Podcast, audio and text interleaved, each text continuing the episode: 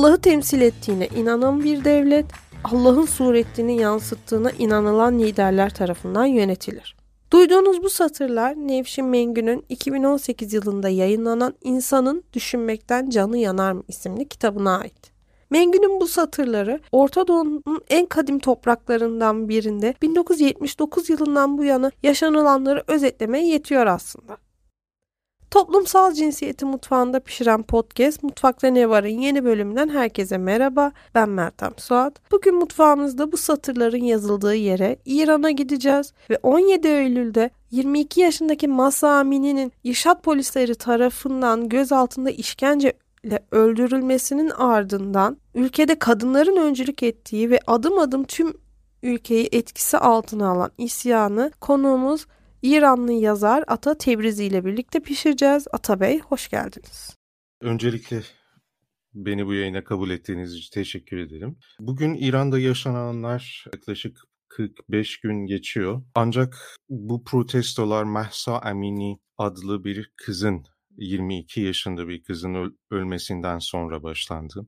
Mahsa Amini bir gezi için ve bir aile ziyareti için ailesinin anlattığı üzere Tahran'a gitmişti. Kendisi Sakkız kendi doğumlu bir kız ve Tahran'da metroya biner iken orada irşad devriyesi ya da ahlak polisi olarak bilinen kurum vasıtasıyla tutuklanıyor ve başörtüsünün doğru giymediğine dair uyarı alıyor. Uyarı üzerine de orada bir kargaşa yaşanıyor ve onu polis arabasına bindiriyorlar ve karakola gönderiyorlar. Karakola gönderme sebepleri orada bir eğitim verilmesi, burada bir hicabı yani başörtüyü doğru düzgün giymesi için ona bir eğitim verecekler ve aynı zamanda böyle davranmaması üzerine de bir taahhüt imzalatacaklar. Ancak o sırada bayıldığını biliyoruz. Ailesinin anlattığı üzere e, herhangi bir e, sorunu yoktu. Ancak devletin anlattığı üzere de bu baygınlıkta onun geçmişteki doktora gittiği kendi kişisel sağlık sebeplerinden dolayı bu baygınlığı yaşadığını biliyoruz. Bu meseleden sonra hastaneye sevk ediliyor Mahsamini. Hastanede ilk raporu şöyle bize yansıtıyor. Diyor ki Mahsamini bize geldiğinde ölmüştü. Biz ihya ettik. Ancak babası bu olayı da başka türlü anlatıyor. Diyor ki biz Mahsa Amini'yi gördüğümüzde ventilatöre bağlı bir şekildeydi. Darp edilmişti. Bacağında morluklar vardı. Kulağında kan vardı. Bunlar İran kamuoyunda ve diğer taraftan da doktorlar vasıtasıyla normal bir baygınlık belirtileri değildi. O nedenle kamuoyunda ciddi bir yankı uyandırdı ve böylelikle Kesra Hastanesi adlı bir hastanenin önünde insanlar toplanmaya başladılar. Ancak bu sadece Mahsa Amini'nin olayı değildi. Bundan önce de İran'da farklı olaylar yaşanmıştı ve iki olay bu hususta çok önemli. Önceden yaşanmıştı ve toplumda ciddi bir gerginliğe sebep olmuştu. Birinci olay Sepide Raşno olayı ve diğer bir olay da Tahran'da bir boksöre polis tarafından ateş açılması. Sepide Raşno olayı şöyle gerçekleştirmişti. Bir otobüste bir başörtülü kadın diğer bir kadına diyor ki lütfen başörtünü doğru düzgün giy. Ancak o diyor ki bu seni ilgilendirmez ve bunun üzerinde bir tartışma yaşanıyor. Bu olaylar tamamı bir kişi tarafından yani aslında bir kadın tarafından bildiğimiz kadarıyla kayda altına alınıyor. Otobüsün çoğunluğu başörtülü kadını otobüsten inmesini istiyorlar. Orada bir kavga meselesi de var. Son Sepide Raşno orada hem kayıtta bir bu başörtülü kadına bir el uzattığını yani yüze, yüzüne vurduğu iddiası var ortada. Ve bunun üzerine de başörtülü kadın sonrası bir mahkemeye başvurup ve ondan şikayet ediyor. Polis de onu alıp televizyonlar önüne getiriyorlar. Televizyonun önünde gözünde morluklar vardı. Bu da onun karakolda vurulduğunu, işkence gördüğü iddiasını doğrultuyordu. Bu mesele İran'da çok büyük bir yankı yarattı. Çünkü İranlılar böyle dediler ki bu mesele aslında otobüsten çoğumuzun indirilebileceğini gösteriyor. Diğer yandan da eee, bir çift parka gitmişlerdi ve parkta ge- gezi esnasında yine ahlak polisi onların yanına gelip kadına başörtünü düzelt diye bir ihtar veriyorlar. Eee, eşi de orada bu meseleye müdahale ediyor. Diyor ki bu benim eşim siz buna karışamazsınız. Ve onun üzerine çıkan kavgada polis bir boksörün aslında bacağına ateş açıyor. Bu iki mesele yani hicap üzerine yaşanan bu iki mesele İran toplumu yeterince gelmişti. Mahsa Amini burada bir patlamaya, olayı aslında bir patlamaya sebep oldu. Çünkü artık bu, bu andan sonra çoğu kardeşler, çoğu eşler, çoğu babalar ve aynı şekilde çoğu kadınlar ahlak polisinin bu yaptıkları hepimizi sarsabilir dediler. Ben de ölebilirdim. Benim kızım da ölebilirdi diye çoğu mesa- e, Twitter'da çoğu mesaj paylaşıldı. Ve neticesinde Mahsa Amini'nin bu öldürülmesi ciddi bir gerginliğe İran'da sebep oldu. Bu gerginliğin neticesinde de başta Saqqez kentinde ve sonra Tahran'da ve diğer Kürt bölgelerde Mahsa Amini'nin ölüm gününde cenazesinin defnedildiği gününde protestolar başladı ve ondan sonra bu protestolar hiçbir zaman dinmedi bugüne kadar. Peki ya şöyle kronolojik bir sırayla da gidersek hani olayların başını takip edemeyen dinleyicilerimiz için 17 Eylül'de e, Success kentinde Amini'nin memleketi aynı zamanda protestolar başlıyor ve Senen'deki sıçrıyor. Protestocular önce Masa Amin'in öldürülmesini protesto ediyorlar.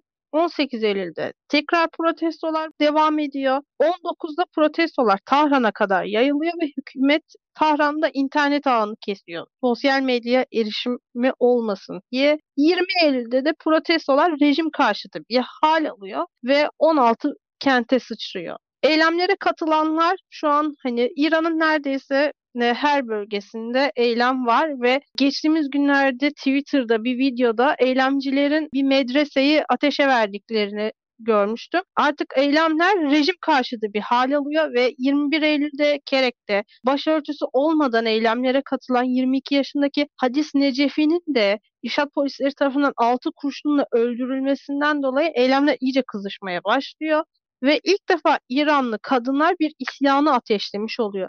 Doğru mu Ata Bey? Aslında söyledikleriniz doğru. Yani eğer 20 Eylül'de 16 kentte bu olayları görüyorsak biz bugün 123 kentte bu olaylara şahidiz. Bu olayların evet öncülüğünü kadınlar gerçekleştiriyor. Ve biliyorsunuz protestoların sloganı da kadın yaşam özgürlük olarak dünyaca tanınıyor. Evet yani Mahsa Amini, Hadis Necafi ve diğer birçok kadın bu hareketler esnasında hayatını kaybediyorlar. Bunlar da toplumu tekrar tekrar eylem yapmak için tetiklediler. Yani Mahsa Amini'nin 40. ölüm gününde Saqqez kentinde yaklaşık 50 bin kişi katılıyor. Ve bu tabii ki de bu olayın ne kadar önem taşıdığını İran kamuoyu açısından bize gösteriyor. Diğer taraftan da kadınlar bu eylemlerde çok öncülük ettiler. Yani bu farklı şehirlerde olsun birçok görüntü var. Kadınlar duvar yazıları yazıyor ve bu yazılarda da diktatöre ölüm, kadın yaşam özgürlük ve Mahsa Amini gibi duvar yazıları var. Diğer yandan onlar kağıtlar paylaşıyorlar şehir içerisinde. Kağıtlarda da bu protestolara devam edelim, yılmayalım, biz birlikteyiz gibi mesajlar veriyorlar. Tabii bunların hepsi aslında kadınların çok ciddi bir rol oynadıklarını gösteriyor bu hareket içerisinde. Ancak burada da ciddi bir erkek desteği var. Yani aslında mesele kadın ve erkekten öte cinsiyet ayrımın ötesine geçmiş durumda. Bugün halkın çoğu protest olarak karışıyor. Halkın çoğu sloganlar atıyor. Sloganlara da baktığımızda burada bir diktatöre ölümden ziyade artık belli başlı slogan yani sloganların çoğunluğu rejimin gitmesine dair sloganlar. Belirli bir istek yani devletten biz başörtüsünü kaldırsın isteğini karşılaşmıyoruz artık. İlk günlerde böyle istekler olsa bile şu son 40 günde böyle bir istekle karşılaşmadık sloganlar içerisinde. Dini rejimin kaldırılması, Mollaların gitmesi gibi isteklerle karşı karşıyayız. Peki, şimdi Atabey, İran'da daha önce çok protesto oldu. Mesela 2009 seçimlerinde Ahmadinejad'ın Cumhurbaşkanlığını kazanmasından sonra o şaibeli seçimde gene bir sürü eylem oldu. O sırada sokaklarda çok çatışma yaşanmış. Daha sonra da medyaya yansıyan İran'la ilgili hani gene bir kitle eylemleri oldu. Ama ilk defa sosyal medyada bu kadar çok eylem yansıtılıyor ve bir sürü video, tweet dolaşımda neredeyse teklerde 100 milyona aşkın tweet var ve ayrıca da ilk defa İran'da bir eylemde Z kuşağı ve kadınlar devrimin ortasında. Şimdi bu eylemler İran dışında Washington DC'de, Berlin'de, İstanbul'da birçok farklı ülkenin farklı kentinde de yapılmaya devam etti. Bazı çevrelerce de olan protestolar feminist bir devrime doğru gittiğini belirtiyorlar. Özellikle toplumsal cinsiyet çalışan sivil toplum kuruluşları diyorlar ki İran'da feminist bir devrimin ilk adımlarını görüyoruz diye. Yani böyle bir algı var mı? Hani neden İran'da feminist devrim olacakmış gibi görülüyor? Acaba bu eylemlerde Z kuşağının faktörünü nasıl görüyorsunuz? Rolünü nasıl görüyorsunuz daha doğrusu? İran'daki bu protestolarda devrim olsun, 1979 devrimi olsun, 2009 eylemleri olsun ya da ondan sonraki eylemlerde kadın rolü çok ciddi bir rol. Sadece burada bugün yani 2022'de bu kadınların bu kadar ciddi şekilde toplumsal eylemlere katıldığını görmüyoruz.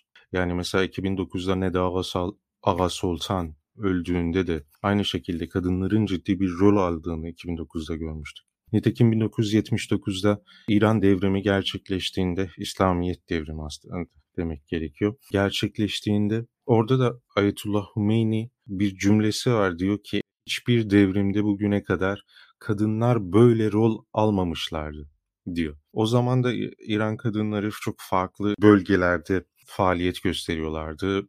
Özellikle camilerde ciddi bir küçük komiteler kurmuşlardı. Bu komitelerin vasıtasıyla evlere gidiyorlardı. Orada da yine kağıtlar, ilanlar paylaşıyorlardı. Aynı şekilde kadınların silahlı görüntüleri de büyük ihtimalle çoğu dinleyicilerimiz görmüştür. Bu sadece camilerde olan da bir olay değildi. Yani evlerde falan kadınlar çok ciddi rol oynuyor. Bundan şunu anlıyoruz aslında. Kadınlar İran toplumunda zaten toplumsal eylemlerde çok ciddi rol üstlenen bir kitle. Ve bugün de çok farklı değil. Ama feminist devrim mi acaba? Bunun üzerine bence biz çok tartışacağız bundan sonra da. Hal nitekim İran'da da bugün bu mesele ciddi bir şekilde tartışmaya açık. Feminist devrim derken bu mesela sloganlarda bunun rolünü görmek gerekiyor. Ama atılan sloganlarda çok feministlik ya da feminizm hareketi içerisindeki olan sloganlarla karşılaşmıyoruz. Aslında kadın yaşam özgürlük sloganında olan kadın meselesi üzerine odaklı bir bakış açısı bu. Ve bunu da çok önemsiyorlar. Mesela Michael Hart yakın zamanda bir video paylaşarak şey demiş demiş ki bu meseleyi biz Fransız devrimindeki şu üçlü sloganla da birleştirip anlayabiliriz. Michael Hart'a göre kadın yaşamla karıştığında bir özgürlük elde edilebilir demişti. Farklı biçimlerde bu, bu Michael Hart'ın örneğinde sadece farklı biçimlerde bu meselelerin anlatıldığını, anlaşıldığını görebiliriz. Kimi erkekler bunun böyle olmadığını söylüyor. Kimi kadınlar feminizm devrim olmadığını söylüyor. Yine karşı tarafı da var. Yani bu mesele biraz tartışmaya açık. Bir de bu söylediğim tarihi göz önünde bulundurarak baktığımızda büyük ihtimalle feminist devrim görmüyoruz. Ama cinsiyetler açısından önemli bir hareket görüyoruz. İran'da hem kadınlar hem erkekler ve hem diğer cinsiyetler, cinsi eğilimler daha doğrusu farklı çeşitli adaletsizliklere maruz kalmışlar. Ve bunu Mahsa Amini'nin örneğinde de görüyoruz. Yani Mahsa Amini kendisi birçok adaletsizliği temsil eden bir figür olarak görmek gerekir. Bir taraftan kadın, bir taraftan toplumsal olarak ekonomik olarak, siyasi olarak gelişmemiş bir bölgede yaşıyor. Belli bir ırkı temsil ediyor. Aslında bunlar çoğu İran toplumu açısından belirli adaletsizliklerin göstergeleri. Ancak burada siz bir taraftan da bu olayın Washington'da eylemleri, eylemlerde de göründüğünü de söylediniz. Bu sadece Washington'da değildi. Dünyada çok nadir görünen bir olaya 1 Ekim'de şahitlik ettik. Hamide Esmailiyun adlı bir aslında bir baba figürü ki iki ailesinden iki kişi yani kızını ve eşini geçtiğimiz senelerde Ukrayna uçağının düştü, düşme, düşürülmesiyle ya rejim tarafından vurulmasından sonra kaybetmişti. Bunun üzerine de çok önemli bir figür haline geldi. Onlar o ve diğer aileler Kanada'da bir örgüt kurmuşlardı ve bu örgüt vasıtasıyla da adil bir yargı istiyorlardı. Hamed Esmailiyun da onun başında olan bir figürdü.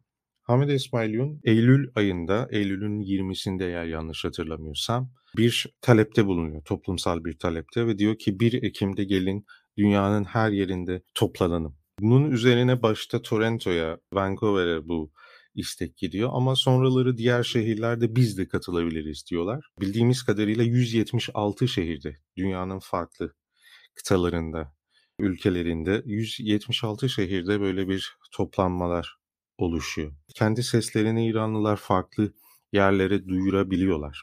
Bize bu olayın ne kadar büyük olduğunu ve İranlılar gözünde ne kadar ciddiyet taşıdığını gösteriyor. Ancak burada sizin sorunuzun son bölümünde bir de Z kuşağı vardı. Z kuşağı tabii ki de bu devrimin en odak noktalarından biri. İran'da Z kuşağı üzerinde çok çalışılmamış aslında bir kuşak. Bunu şu açıdan e, söylüyorum. Büyük ihtimalle diğer Z kuşağı olarak tanınan ülkelerdeki kuşaklarla benzerlikleri var ve ayrı şekilde de ayrışmaları var. Z kuşağı İran'da yaptığı şey aslında daha çok e, eylemsel işler. Yani onlar çoğunlukla sokaklarda, caddelerde en çok gördüğümüz kişiler. Polisle en çok kavga veren kişiler oldular. Çoğunlukla onlar duvar yazılarını yazıyor. Onlar bannerler ya da asılan tablolar ya da işte heykelleri onlar devriyor. Ve böyle şeylere çoğunlukla onlar yani sokakta, caddelerde gördüğümüz şeylerin çoğunluğu onların yaptığı eserler.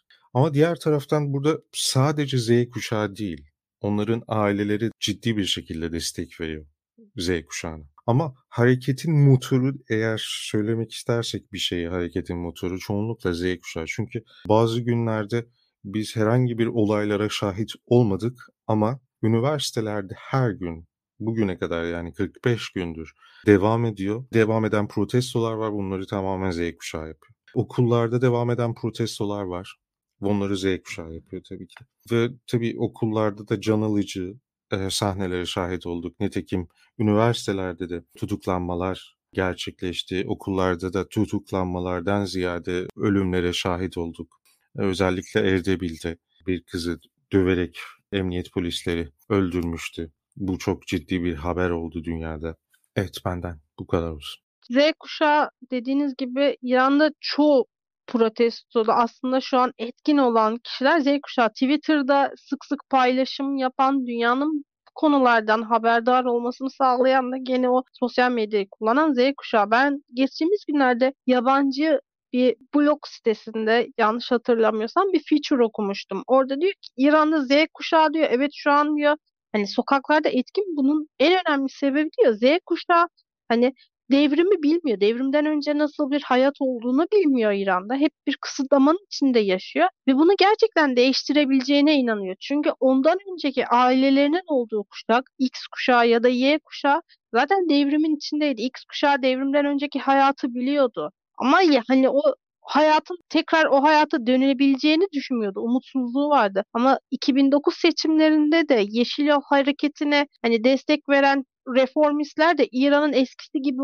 düşüneceğini, eskisi gibi olabileceğini düşünen o umutlu insanlardı. E şimdi gene Z kuşağı İran'ın eski haline dönebileceğini düşünüyor. O yazıda da aynı şeyi söylüyor. Diyor ki Z kuşağı bazı şeyleri değiştirebilmek için umut taşıyor, inanç taşıyor ve irşat polisinin de mollaların da hiç tanımadığı bir kuşak bu. Çünkü bambaşka normları var, bambaşka bir ideolojileri var ve korkmuyorlar. Sokağa çıkmaktan korkmuyorlar, tweet atmaktan korkmuyorlar. Arabaların içinden birbirlerine bildiri dağıtmaya devam ediyorlar. Tabii ki hani Z kuşağı sayesinde de belki biz şu an bu kadar haberdar oluyoruz. Ya şimdi ben merak ediyorum. İran'da İslam hukuku etkin şu an ve İslam hukukuna göre, İran'daki İslam hukukuna göre kadınlar açısından bir tutarsızlık var aslında. Kız çocukları 9 yaşından itibaren ergin kabul edilebiliyor ve evlenmeleri yasal görülüyor.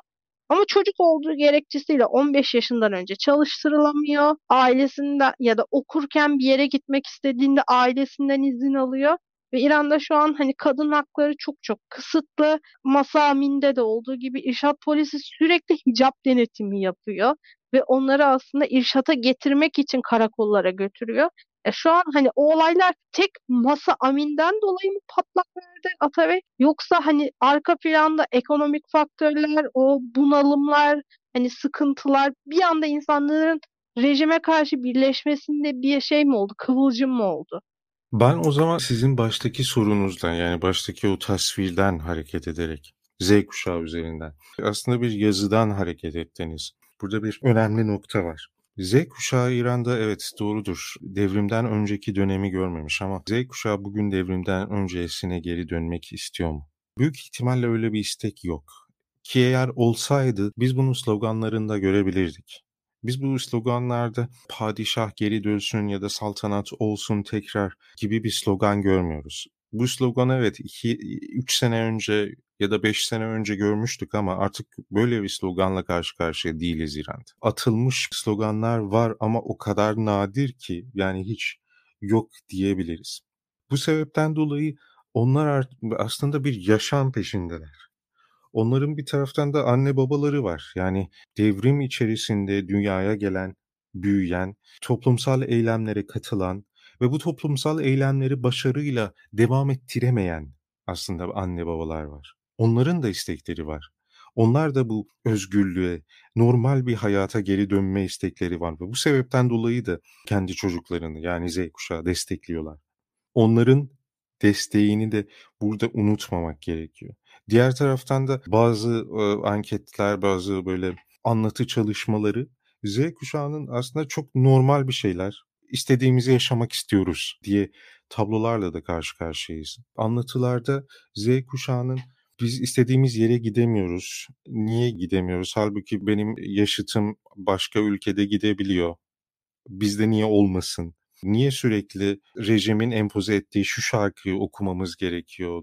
Niye hicapla, niye başörtüyle yaşamamız gerekiyor diye anlatıları görebiliyoruz. Ve sonrasında evet kadınlar üzerine ciddi bir baskı var. Doğru. Bu evlenme yaşı konusunda söylediğiniz şeydi. Yani İran'da kızlar 13 yaşından itibaren ve erkekler 15 yaşından itibaren evlenebiliyorlar. Ancak bunlar 18'in altında oldukları için anne ve baba yani daha çok babanın izni olmadan bu işi yapamazlar. Evet bu mesele İran'da ciddi bir şekilde bir eleştiri noktası. Çoğu kimseler bunu eleştirdiler ancak tabii ki de burada bir İslami rivayet bu eleştirilerin karşısında durdu ve tabii ki de devlet kendi İslami rivayetiyle bunları kabul etmedi. Ancak bunların hepsi yani böyle yasalar başörtüsü üzerine var olan yasa ki bu başörtüsü üzerindeki yasa kadınları 74 kırbaca kadar götüren bir içeriği var. Bunların hepsi birikim aslında bir e, eğer Max Scheller'in dediğiyle hareket edersek bir kin birikimini İran'daki toplumun bazı kesimlerinde toplanmasına sebep oldu. Aslında bu sadece bir kin meselesi değil tırnak içerisinde. Burada birçok olumsuzluklar var. Yani mesela İran'daki insanlar bugün belki çoğu dinleyicilerimiz de şahit olmuştur buraya geldiklerinde, Türkiye'ye geldiklerinde, İstanbul'a, Ankara'ya, Antalya'ya. Başta ne kadar hava burada daha iyi diye belki duymuşsunuzdur. Normal yaşam dediğimizde büyük ihtimalle en basiti havanın daha doğru düzgün olması, elektriğin sürekli kesilmemesi, sürekli hayat pahalılığının artmaması, milli paranın değer kaybetmemesi, sürekli bir e, dünyanın farklı bölgeleriyle bir kavga, dövüş içerisinde olmayan bir ülke arzu ediyorlar. Ve bunların hepsini de aslında buradaki meselede yansıtıyorlar. Diğer taraftan İran'ın ciddi bir çevre sorunu var İran'da. Yani mesela Urmiye Gölü'nde bir ciddi bir sorun yaşıyor bugün İran. Urmiye Gölü ciddi bir şekilde kurumak üzere. Orada yapılan araştırmalar bize şunu gösteriyor. İran'ın kuzeyinde en az 50 milyon kişi eğer burası kurursa oradan o bölgeden göç etmesi gerekiyor. Bu sadece Urmiye Gölü değil. Bugün İsfahan'da, bugün İran'ın en sulu bölgeleri bile susuz. Burada bir su yönetimi sorunu var ciddi şekilde İran'da. Yerdeki kaynakların çoğu e, yani su kaynaklarının çoğu bitmiş olarak ilan ediliyor. Bunca sorunu bir yere koyduğumuzda bir toplumda ve diğer taraftan da toplumsal sorunları bir yere koyduğumuzda yani 3 sene önce anket şirketinin devlete bağlı olan bir anket şirketinin yaptığı araştırmada İranlıların %70'inin yaşamlarından razı ya da onaylamadıklarını, bu vaziyeti kabullenmediklerini söylemişlerdi. Bugün yapılan anketler bunun %85'e çıktığını e, gösteriyor. Bunlar hepsi devlete bağlı anket şirketleri. Bu anketlere sadece bakarak değil, İran'da ciddi bir şekilde bir toplumsal itimat, güven sorunu var.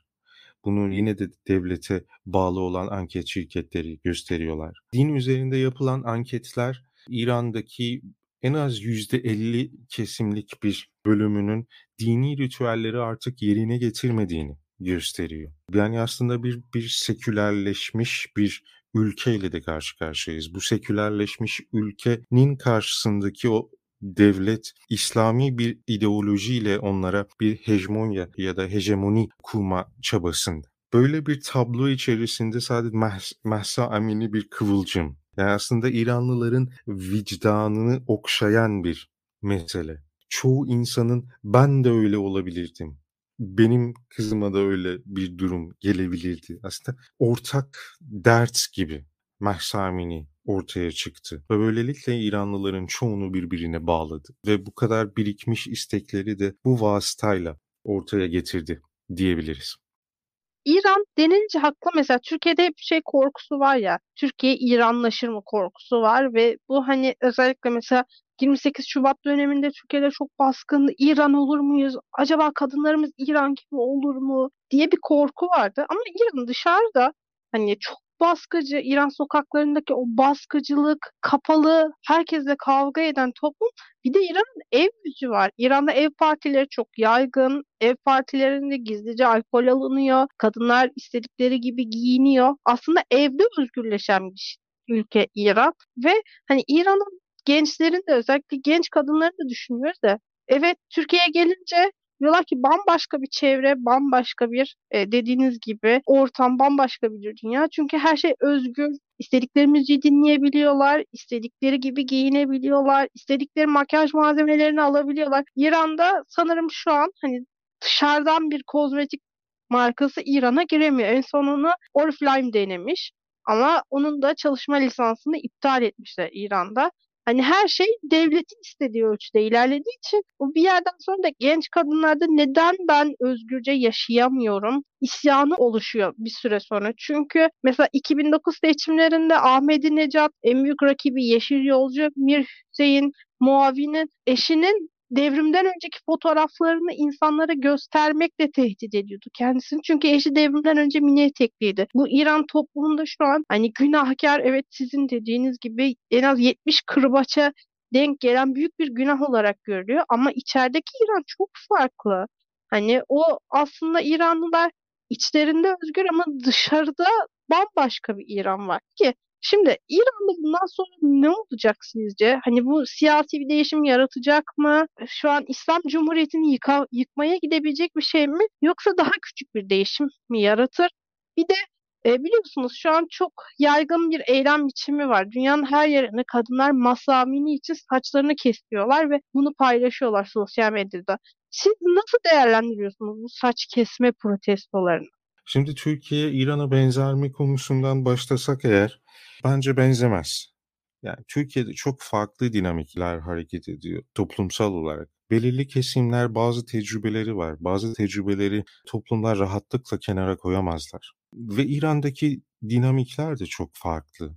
Yani İran farklı etniklere sahip olan, farklı dillere sahip olan bir ülke ama orada bir toplumsal tahayyül de var. Yani biz çok kadim bir milletiz tahayyülü de var. Ve bir taraftan da Şii etken var İran'da. Bu etkenlerin bazıları Türkiye'de yok ve diğer taraftan Türkiye'de parti sistemi var. Yani kendinizi ya da herhangi birisi bir şekilde bir parti içerisinde temsilci olarak bulabilir ya da o partinin bir kişinin sesi olabileceğini düşünme ihtimali var. Ancak İran'da böyle bir durumlar yok. Diğer taraftan burada anayasanın verdiği bazı güçler var yargıya özellikle. Ancak İran'da böyle bir bağımsız e, yargı hiçbir şekilde söz konusu değil. Evet, diğer taraftan ev partileri, evde özgürlük diye bazı olgulara iş, işaret ettiniz. İran devriminde oluşan atmosfer ve yani devrim liderleri ve diğer buradaki sorumluların sözlerine baktığımızda ciddi bir şekilde evet evde ne yaparsanız yapın ama sokakta yapmayın söylemini görebilirsiniz. Bu devrimin iki sene sonrasından baş gösteren bir ayrım oldu. Ancak şimdi mesele tamamen sokağı eve dönüştürmek bir anlamda. Evde nasıl özgürsek sokakta da öyle bir özgürlüklere sahip olalım. Yani sokağı niye farklı bir dünya şekline çıkaralım ki meselesi var. Yani bu nedenle şimdi sokaklarda siz dans gösterilerini görebiliyorsunuz erkek kadın bir yerde eşit bir şekilde slogan atıyorlar, yemek yiyorlar. Mesela üniversitelerde kadınlar ve erkekler ayrı masalarda yemek yeme zorunluluğu var İran'da. Bugünlerdeki sosyal medya görüntüleri onların birlikte yemek yediğini gösteriyor. Ev sokağa taşınmak e, halinde. Bu nedenle bir evet özgürlük eyleminin aslında dış vurumunu bugün bile görebiliyoruz. Ve bu sebepten dolayı bence İran'da artık bazı şeyler eskisi gibi olmayacak. Bu mesele İranlıların çoğunun nezdinde bir devrim. Onlar siyasi rejimi kaldırmak için hareket ediyorlar. Nereden anlıyoruz? Genel olarak sloganlarda. Ne istiyorlar? Devletin içerisinde, siyasi e, rejimin içerisinde bir şeyi değiştirmek istemiyorlar. Artık re- siyasi rejimi yani devleti kaldırmak istiyorlar. Sözleri hükümetle de değil. O nedenle ne olacak?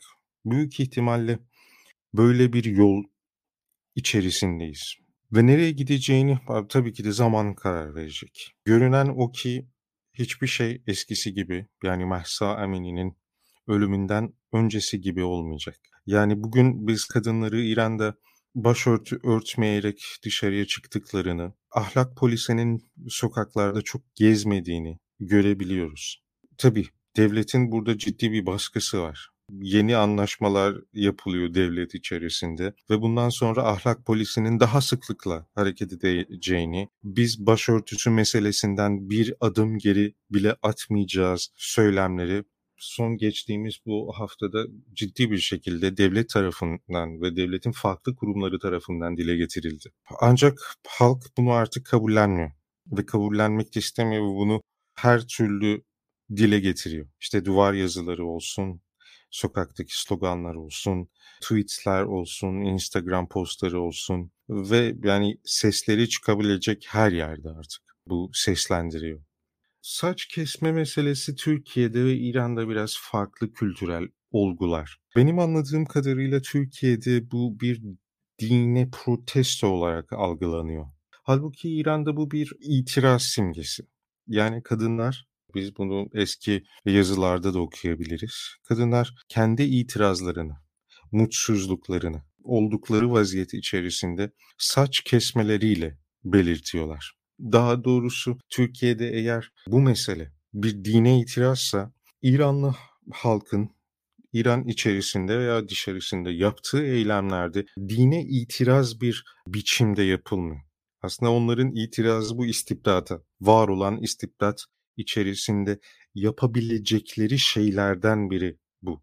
Yani aslında ona is- isyan etmek ve bu saç kesme eylemini siyasi koşullara yani onların içinde var oldukları koşula bir isyan olarak yorumlamamız gerekiyor. Peki. Ya evet. zaten şu, son olarak şunu da ekleyeyim. Ben hani şu an sosyal medyada da paylaşılan görüntülerde medreselerin ateşe verildiği, artık mollaların sarıklarının de düşürüldüğü ve özellikle İran ilk ayetullahı olan Ayetullah Hümeyni'nin fotoğraflarının yakıldığı görülüyor.